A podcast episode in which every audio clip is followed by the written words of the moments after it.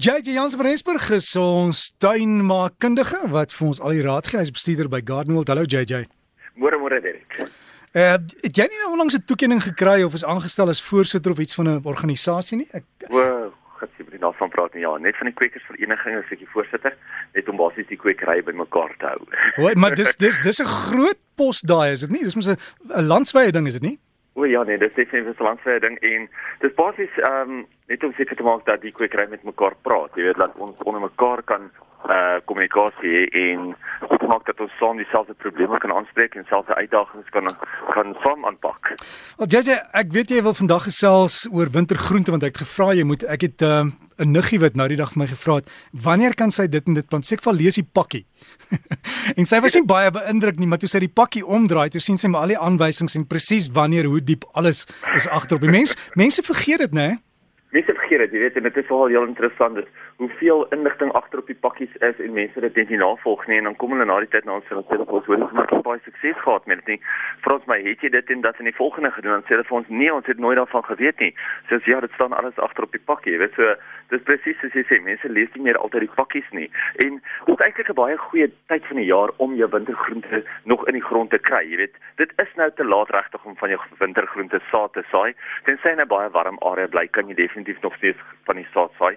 Maar daar's baie saai linge wat deesdae beskikbaar is. En onthou jy spaar ten minste 'n goeie 6 tot 8 weke as jy saai linge plant in plaas van saad. So ietsie wat jy nou plant kan teen die einde van volgende maand al klaar vir jou vrugte afbring of vrugte gee. En dit is reeds wat ons wil hê. Jy weet teen hierdie tyd behoort jou goed soos jou mosterd en jou ertjies en jou radys al lankal in die grond te wees. Ehm um, vir al die ertjies plant mense gewoonlik as saad, maar as jy dit nog steeds nie het nie, kan jy dit nog steeds plant as saailinge. Ons kan selfs kyk na jou spinasie. Ehm uh, wortels word altyd gesaai, so jy kan wortels saai, maar jy kan amper deur die jaar gesaai word. Jy kan jou slaai, jou beet, jou kool kan jy ook nog insit. En dan's daar 'n paar van daai wat mense baie keer van vergeet. Ehm um, goed so byvoorbeeld jou boerbone. Dis iets wat nou geplant word in saailing-vorm, nie in saadvorm nie. Jou kale jou Chinese of jou oosterse variëteite soos jou pak choy, jou tat choy en selfs ook die Chinese slaai. So daar's geweldig baie wat 'n mens kan insit en onthou seker van jou groentes groei baie beter in die wintermaande as in die somermaande. So moenie net eendag sê nee, gaan wag tot in die lente wanneer ek dit gaan plant nie. Dit is natuurlik baie beter as jy dit nou al plant want hulle gaan hulle floreer beter in die koeler weer. Um ek kyk dan net na mense met kool en blomkool. Hoe sukkel mense gewoonlik met dit in die warmer geteelde uh, tye van die jaar? So plant dit eerder nou, dan weet jy dat dit is ook die beste tyd vir die plant. Kyk, die winter is hierso en daar sekere plante wat net in die winter blom. Een van hulle is natuurlik die wintervuurpyle.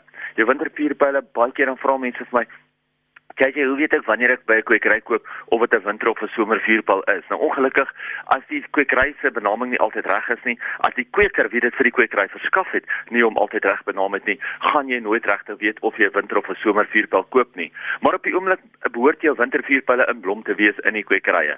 So as jy nou na 'n kwekery toe gaan en jy koop vuurpyle wat in blom is, dan weet jy jy koop jou wintervuurpyle en nie 'n somervuurpyle nie. So gaan maar deur na jou kwekery toe, dan 'n bietjie rondhoor of hulle vuurpyle in blom het en dan weet jy jy, kan ek nou my wintervuurpylle uh, kry of kan ek dit nou nie kry nie. Hierdie tyd van die jaar is dit ook natuurlik die regte tyd om te begin terugsny aan al ons struike en ons bome.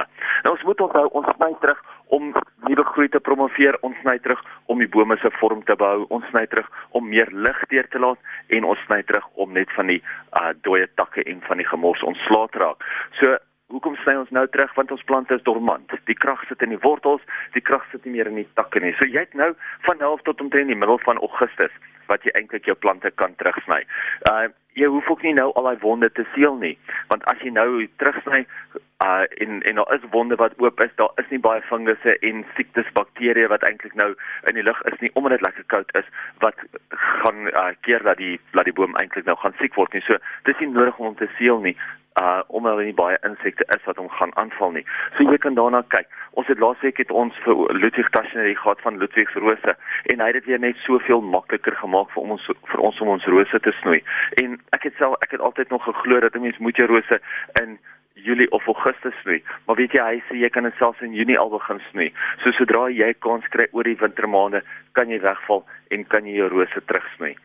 Dit Hierdie hierdie week is ons plant van die week ook een van daai plante wat in die winter blom en dit is 'n Camellia japonica. Nou kyk 'n mens kry verskillende kamelias.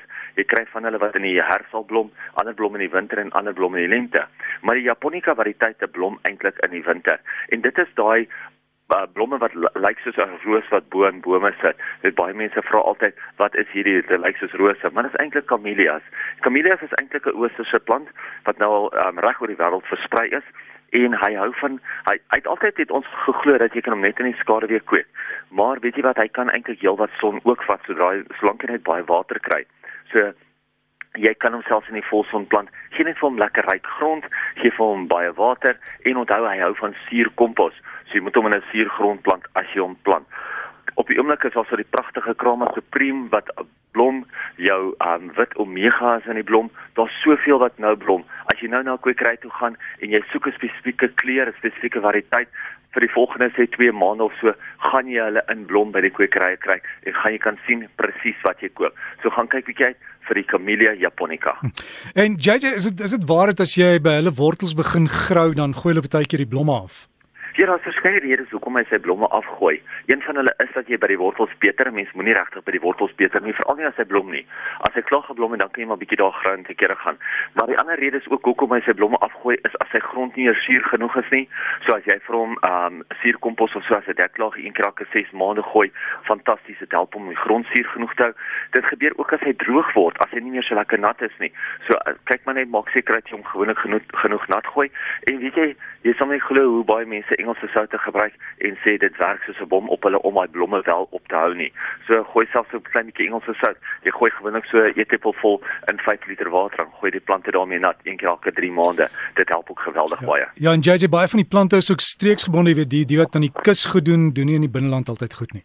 Nee, dit is baie waar daai en dit is reeds hoekom mense maar altyd moet verstaan dat as jy ietsie oorbring van 'n kus of van 'n warmer gebied af na jou tuin toe, gaan jy 'n jaar of twee vat om eers in jou tuin te vestig voordat dit regtig gaan begin groei en floreer. En dan net gou 'n SMS vraag, uh, een sê grasperk moet jy maar bietjie los tot na die koue en dan kort sny en dan wat is die verskil tussen saad en saailinge? Right. Ehm um, grasperke moet definitief nou gelos word. Jy kan hom nou sny net afsny net om hom mooi te hou, maar jy moet hom glad nie nou kort sny vir die uh bolaag of vir die somergroei nie. Dit gaan ons eers in Augustus doen. Jy kan hom nou net eenvoudig net mooi maak. Jy kan hom net manikuur. Is dit nou die regte woord net om hom mooi te hou vir jou in die tuin. En natuurlik saad en saailinge. Saad is dit wat jy koop in pakkies in 'n in 'n kwekery. Dit is die begin van 'n saailing. 'n Saailing is 'n is saad wat ontkiem het en nou al 'n redelike rukkie gegroei het. Nou gewoonlik enige ietsie wat ontkiem uit 'n saad uit word 'n saailing genoem, maar dit wat jy in 'n kwekery koop is nie net 'n dag of 'n week oud nie. Hy's gewoonlik al ten minste 6 of 8 weke oud. So is al 'n baie groter en sterker plantjie. Natuurlik is die saad maar net dit wat die plant vorm om weer voort te plant. So gesels ons met JJ Jansen van Rensburg, hy's bestuurder by Garden World. Sy e-pos is jj by gardenworld.co.za. Jj by gardenworld.co.za. Lekker tuin maak.